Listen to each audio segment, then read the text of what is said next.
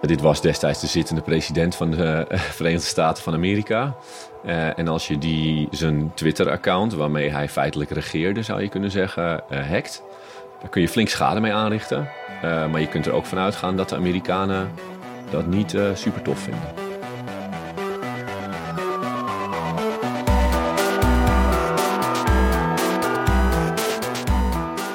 Je luistert naar Takedown, een podcast van Team Hightech Crime van de Nederlandse politie. En mijn naam is Vivianne Bendermacher. Ik ben techjournalist en neem je in deze podcast mee achter de schermen van Team Hightech Crime. Team Hightech Crime houdt zich bezig met complexe cybercrimezaken in binnen- en buitenland. Het doel? Nederland veiliger en minder aantrekkelijk maken voor cybercriminelen. In elke aflevering richten we ons op één zaak deze keer nemen we je mee in de zaak waarbij een ethisch hacker uit Nederland toegang weet te krijgen tot het Twitter-account van een van de machtigste personen ter wereld.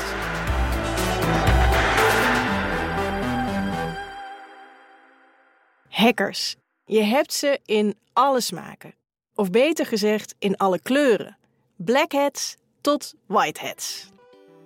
Ik ben Victor Gevers en ik ben al mijn hele leven ethisch hacker. Al bijna 22 jaar, ja. In april 2016 is Victor met twee goede vrienden aanwezig bij een cybersecurity-conferentie in België. En er is dan een grote database met gegevens van LinkedIn-gebruikers openbaar gemaakt. Victor en zijn vrienden zitten op de Belgische hotelkamer en ze checken het bestand. En als ze bekenden tegenkomen, dan laten ze hen even weten dat hun data gelekt is. Ik wil heel graag deze verkiezingen winnen en uh, het is ontzettend belangrijk. En wij hadden iets van, oh, stel je voor dat deze man het wordt, zeg maar. Hè? Dan, dan ga je er toch van uit dat, uh, dat alles rondom zijn IT en dingen goed geregeld is. Want kun je er niet vanuit gaan dat hij dat dan zelf uh, gaat regelen. En toen gingen, nou, toen we toch maar even die database kijken. En daar zat inderdaad zat daar een, zat daar een wachtwoord tussen. Nou, van, dat is wel raar, dat, dat, dat, dat wachtwoord kan het toch niet zijn. Dus we gingen in andere nou, openbare data kijken, zeg maar, van andere datalekken. En toen zagen we um, wachtwoorden die nog niet gekraakt waren. Um, dus we gingen dat uh, ene wachtwoord wat, wat we wel kennen, zeg maar, gebruiken om die hash te controleren op een andere plaats. Dus het versleutelde wachtwoord. En het was hetzelfde.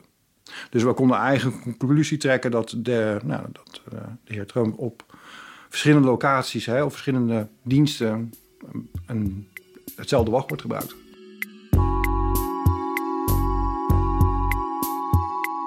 Ze voeren het vermoedelijke wachtwoord in en bingo, ze hebben toegang. You're fired? You're was fired. dat hem? Ja. ja, dat was zijn lijfspreuk hè, van televisie. Het was bedoeling om even te kijken, zeg maar, maar niet om, om, om verder te gaan. Ze merken dat Twitter het labelt als een suspicious login vanwege hun geolocatie. Maar in feite hebben ze al precies naar waar ze op zoek waren. En uiteindelijk met, ja, met heel veel nou, geëxperimenteer en knutselwerk lukte het toch om één keer in te kunnen loggen en om naar profiel te gaan en nou daar een screenshot van maken, zodat dat hè, kan laten zien. We zijn, we zijn echt nu aan de binnenkant van, van het Twitter-account. Hebben het netjes gemeld, we hebben netjes een e-mail gemaakt met screenshots erbij, een uitleg wie we zijn, waarom we dat hebben gedaan en waarom het belangrijk is om de volgende security stappen te nemen. Hè, dus welke settings die je kan laten toepassen om het weer veilig te maken. En dan zou het voor ons klaar zijn.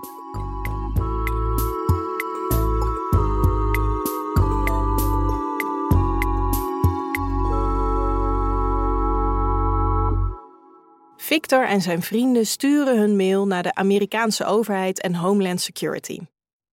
Alleen, er komt geen reactie. En het blijft stil. Maar de drie bevriende hackers vinden het belangrijk dat het nieuws over de inbraak in Trumps Twitter-account wereldkundig wordt gemaakt. Iedereen moet zich bewust zijn van dit soort kwetsbaarheden, hooggeplaatste personen in het bijzonder. Daarom besluiten ze om naar de pers te stappen. We hebben een screenshot van dat jullie echt in dat account zijn. Waar staat van uh, je kunt de foto veranderen, je kunt de, uh, ja. dan ben je echt de gebruiker, zoals wij dat allemaal ja. in onze eigen accounts kunnen doen. Je kunt zijn berichten lezen. Dat zou kunnen. En dat, dat heb je niet gedaan. gedaan. Nee, dat hebben we absoluut niet gedaan. Wel overwogen. Nee, we, nee ook niet. Nee. Of een tweet plaatsen stemmen op Hillary Clinton? Nou ja, dat wel. ja. We wouden I quit vote Hillary doen, maar. Maar als, als nu. Dus jij ging door met je leven. Toen Ja. was het 2020. Ja. Toen zag je hem weer. Toen dacht je, ja, ja, het zal wel niet.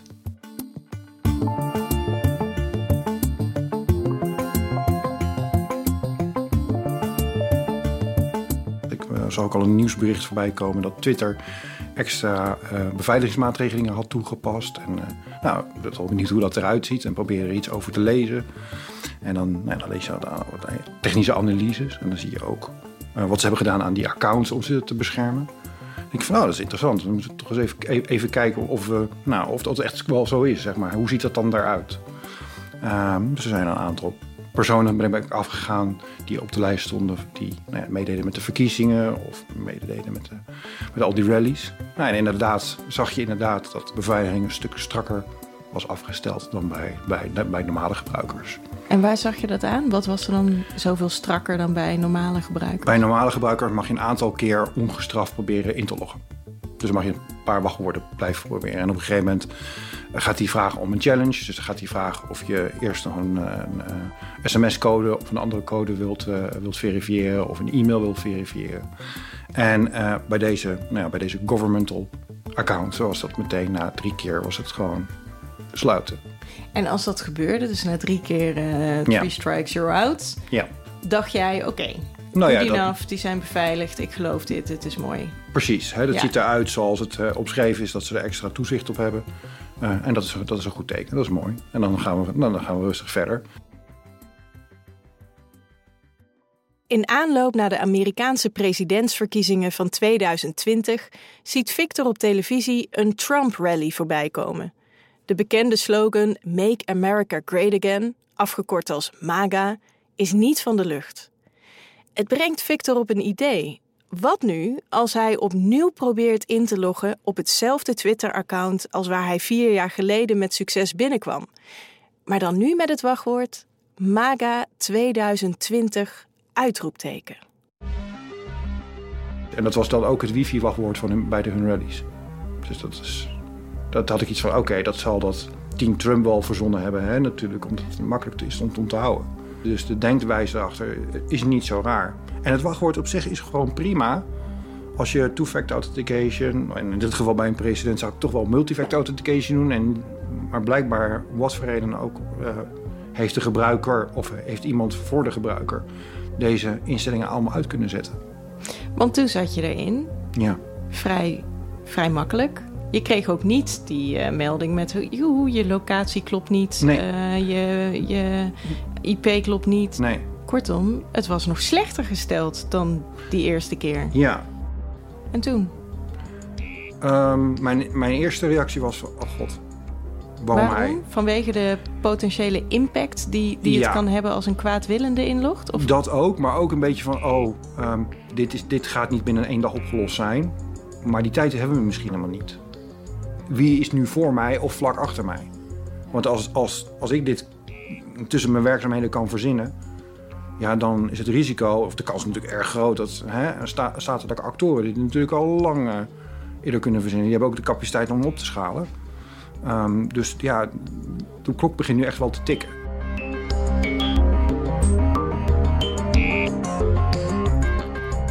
Van de eerdere hack weet Victor dat contact met de juiste mensen ingewikkeld, zo niet onmogelijk is. Maar als ethisch hacker ontkomt hij er niet aan om opnieuw een serieuze poging te wagen.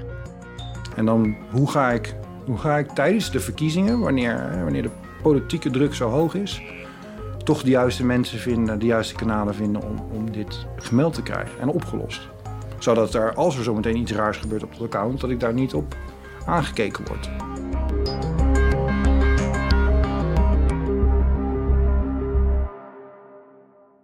Je moet even uitleggen waarom, waarom jij denkt dat je daar mag zijn.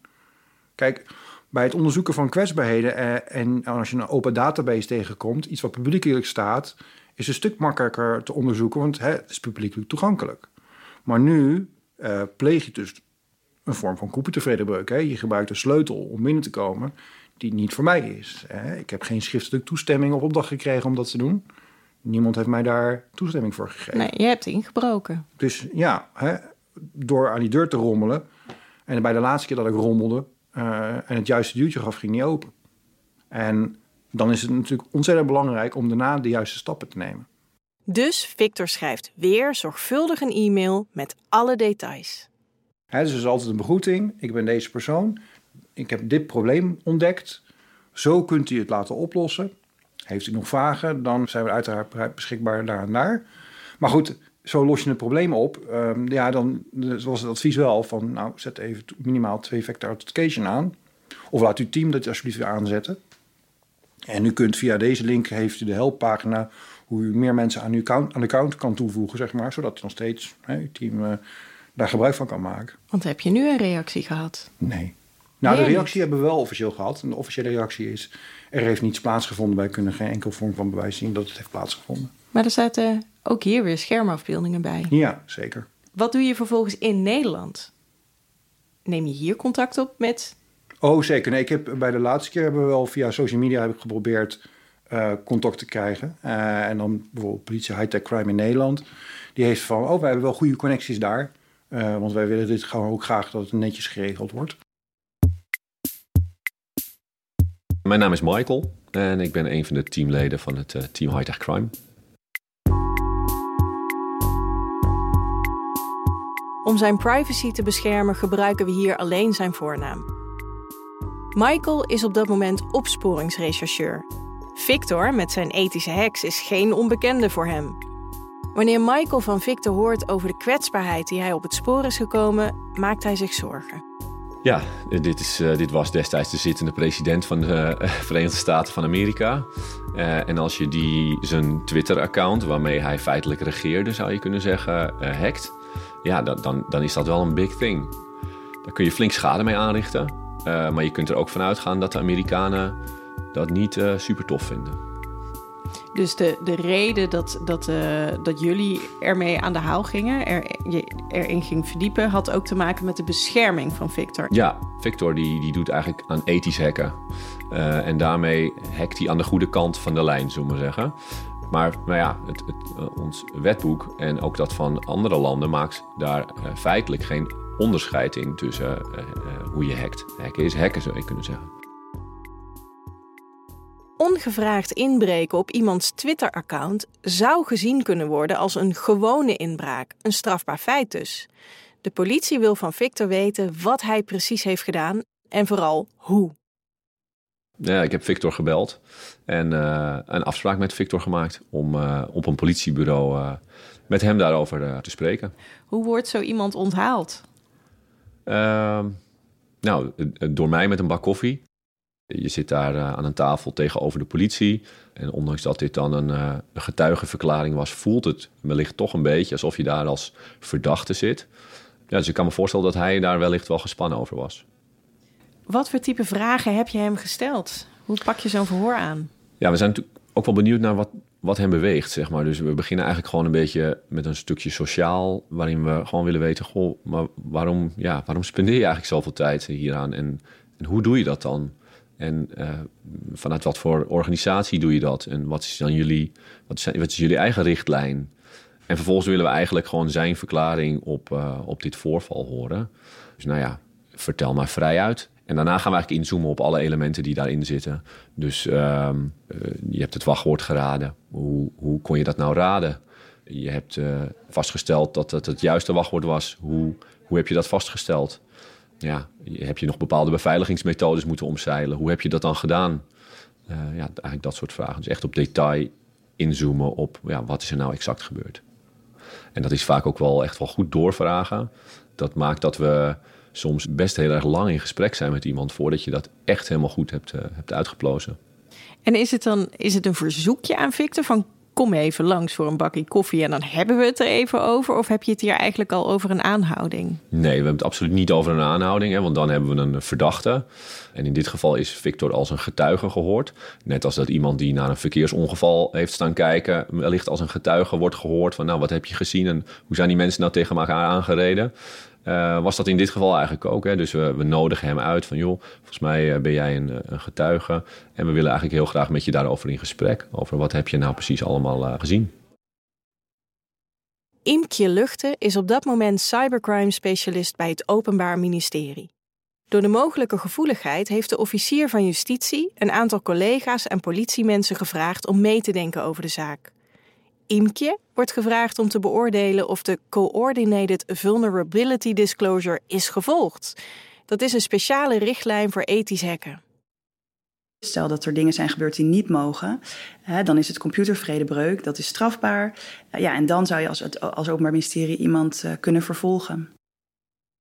En het eerste waar je eigenlijk naar kijkt in het geval van een mogelijke casus van ethisch hacken is: uh, is er een wezenlijk maatschappelijk belang? Uh, dus in deze casus ja, als vlak voor de presidentsverkiezingen dit Twitter-account in handen van kwaadwillenden komt, nou ja, dan heb je zeker een maatschappelijk belang dat dat niet gebeurt. tweede waar we naar kijken, is er proportioneel gehandeld. Dus dat houdt in, ben je niet verder gegaan dan strikt noodzakelijk uh, om te laten zien dat er een kwetsbaarheid is. Dus het gaat er echt om dat je een keuze maakt van oké, ik wil het laten zien. En ik doe dat met de minst impactvolle uh, manier. En het laatste waar we op letten, dit subsidiariteitsvereisten, was er geen minder vergaande manier om je doel te bereiken. En dan gaat het bijvoorbeeld over, als je zoiets ontdekt, dan laat je het eerst aan de organisatie weten of aan het bedrijf. En dan ga je niet het meteen zelf op Twitter zetten of meteen zelf de krant bellen. Het doel is dat dat bedrijf of die organisatie de kwetsbaarheid kan verhelpen. En daarvoor moet iemand wel weten dat die kwetsbaarheid er is. En je moet iemand ook de tijd geven uh, om daar iets aan te kunnen doen. Kijk, een ethisch hacker die zou als doel moeten hebben om te beschermen tegen kwaadwillenden. En als je dus niet de persoon uh, op de hoogte stelt of de kans geeft dat te beveiligen, ja, dan ben je dus niet ethisch bezig.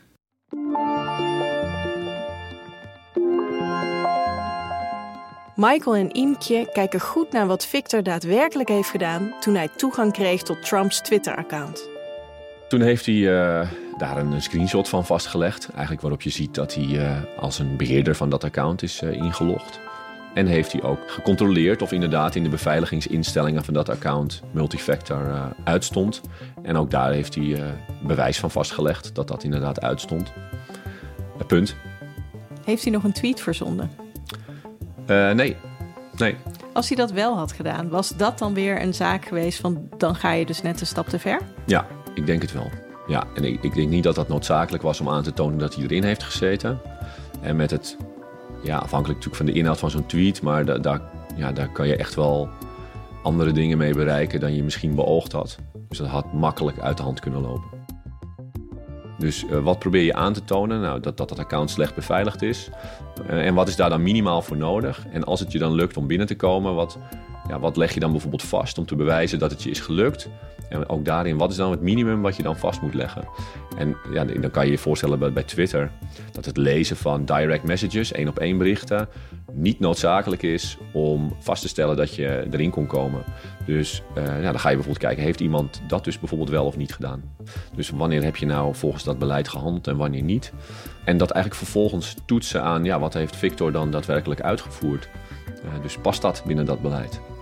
Archiveer je stappen heel erg goed. Ook als het over een lange tijd is dat je voor jezelf een log hebt van op dat tijd heb ik dat gedaan. Op dat tijd heb ik op die link geklikt. Dat ook is echt met tijdcode erbij, zo ja, Ja, zodat ze dat kunnen herleiden. Kijk, hè, iedereen kan zeggen ik ben ethisch hacker, ik heb het netjes gedaan. Um, maar soms is het af en toe wel goed dat vanuit, ook vanuit het OM wordt gekeken van ja, dat kan iemand wel roepen. Maar we moeten het ook eens gaan toetsen. Als ethisch hacker is een misstap zo gemaakt. Voor je het weet heb je een strafbaar feit gepleegd. Het is een dun koord waar je op balanceert. Om kwetsbaarheden van computersystemen te vinden en ze daarmee tegen kwaadwillenden te beschermen, moet je computervredebreuk plegen. En in principe is dat strafbaar, tenzij je de Coordinated Vulnerability Disclosure richtlijnen volgt. Het OM en de politie maken graag gebruik van de kennis van ethisch hackers. Tegelijkertijd zien zij ook welke risico's ze nemen. Het is dan ook iets waar rekening mee wordt gehouden. Onderschat niet de Nederlandse ethisch hackers. dat, zijn, uh, dat zijn goede hackers. En um, er is echt een groep Nederlandse hackers die hier al heel veel ervaring mee heeft. Die ook heel kundig zijn. Die goed weten wat ze doen. En ik heb inmiddels ook wel geleerd positie van iemand of, of hoe groot een bedrijf is of hoe klein een bedrijf. Ja, er zijn overal kwetsbaarheden en het verschilt heel erg ja, hoe goed systemen beveiligd zijn. Dus dat, ja, dat zegt eigenlijk heel weinig. Waarom is het zo belangrijk om die ethische hackers te beschermen? Ja, feitelijk omdat ze wel een belangrijke functie uh, vertolken in dat beveiligingslandschap eigenlijk. Zij ja, wijzen uh, bedrijven of organisaties erop dat ze eigenlijk kwetsbaar zijn. Wat natuurlijk uh, hartstikke goed is. Want als zij dat niet doen, ja, dan zijn er gewoon andere kwaadwillenden die van die kwetsbaarheid misbruik gaan maken. Na hun onderzoek schrijven Michael, Iemkje en een officier van justitie hun bevindingen in een brief. In deze zaak uh, vielen de juridische uitdagingen uh, mee, omdat uh, de regels zijn vrij duidelijk. En Victor Gevers is zelf ook heel goed op de hoogte van de regels. die kon ook heel goed uitleggen en laten zien wat hij gedaan had. dus dan heb je in deze zaak heb je een, ja, een goed beeld. En kun je dat eigenlijk uh, ook aan de hand van jurisprudentie goed concluderen dat er dus sprake was van ethisch hacken. Dus die brief is aan Victor Gevers zelf gestuurd. En die brief is gestuurd aan de Amerikaanse autoriteiten. Van nou, hè, dit is wat er gebeurd is. Dit is de Nederlandse uh, regelgeving. En volgens die Nederlandse regelgeving uh, is er niets strafbaars gebeurd. En daar is het in deze casus bij gebleven. Omdat er ook vanuit Amerika is er geen aangifte gedaan. En ja, was de casus ook afgerond.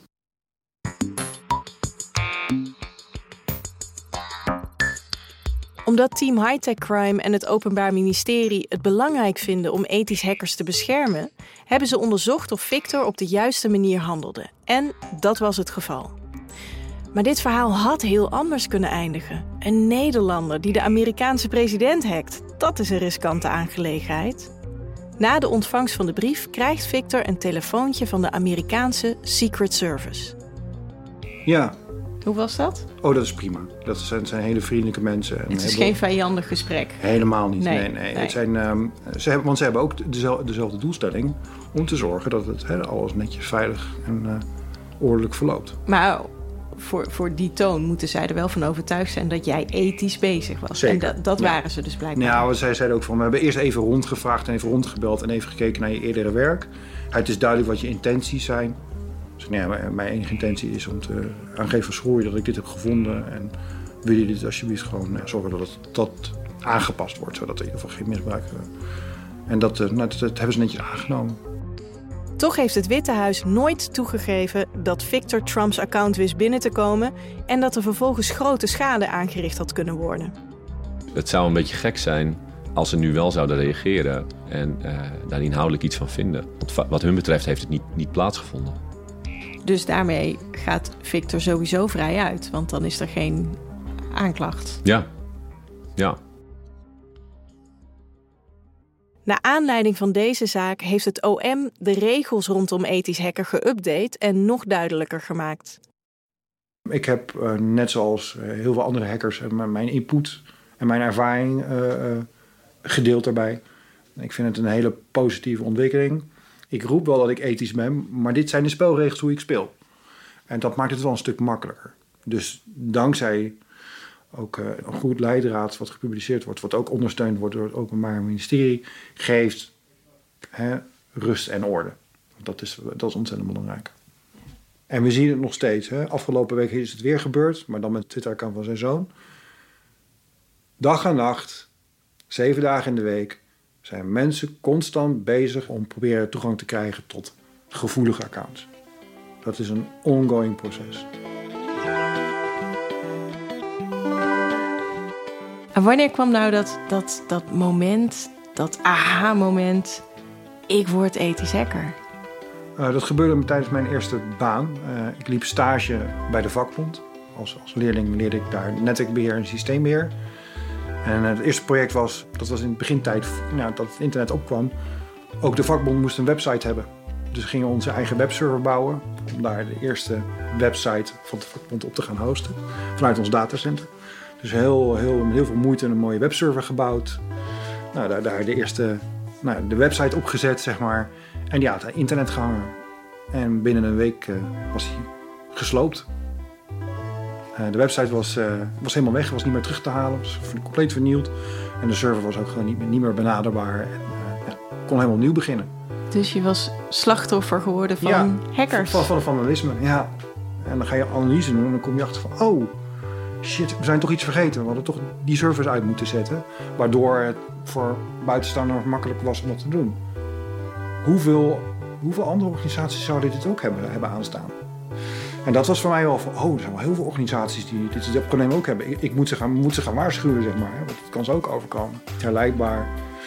Dan ga ik wel achter een proxy of achter een VPN zitten. En dan... eh, zo is het begonnen. Victor is op dat moment 21 jaar. Inmiddels heeft hij ook samen met twee anderen het Dutch Institute for Vulnerability Disclosure opgezet. Kortweg DIVD. Dat creëert een veilige plek om ethisch hacken te leren en in de praktijk te brengen. De tweede hack in het account van president Trump voerde hij uit vanuit DIVD. Werk dat hij overigens doet als vrijwilliger naast zijn reguliere baan. Ja, ik, ik kan persoonlijk niet anders zeggen dan dat ik daar ontzettend veel eh, bewondering voor heb als je je zo daarvoor eh, inspant. Victor zit helemaal aan de voorkant eigenlijk. En met zijn acties voorkomt hij eigenlijk dat organisaties, eh, of burgers of bedrijven slachtoffer worden van cybercriminaliteit. Ja, en daarmee eh, helpt hij ons natuurlijk wel heel erg, om- omdat daarmee gewoon de hoeveelheid cybercrime eh, enigszins eh, ja, afneemt. Dus hij zit echt aan die preventiekant. En eh, ja, daarin eh, levert hij een enorme bijdrage. Wat, tof is, is dat je als digitaal regisseur of als regisseur met dit soort mensen dus in gesprek kunt gaan over hoe zij dit hebben gedaan. En, en, en nu zit hij aan de goede kant van de lijn, maar misschien zitten anderen aan de verkeerde kant van de lijn. En dan is jouw technische expertise echt nodig om, om te toetsen van ja, is er nou een strafbaar feit gepleegd en hoe dan?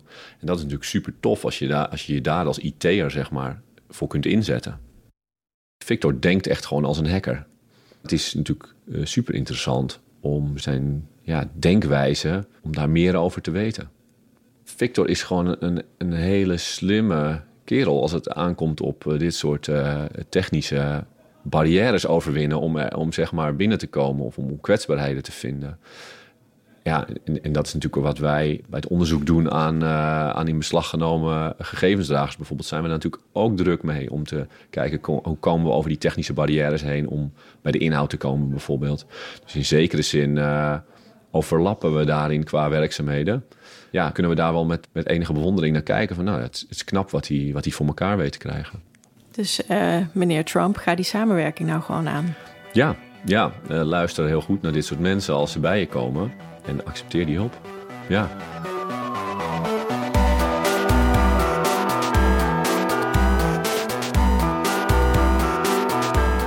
Je luisterde naar Takedown, een podcast van Team Hightech Crime van de politie. En mijn naam is Vivianne Bendermacher. Meer weten over Team Hightech Crime? In de beschrijving van deze podcast vind je een link naar meer informatie en over hoe het is om te werken bij Team Hightech Crime. Geen aflevering missen? Abonneer je dan op Takedown in de NRC Audio app of waar je dan ook naar deze podcast luistert. Takedown is een XTR-branded podcast in samenwerking met audio agency Airborne en de politie.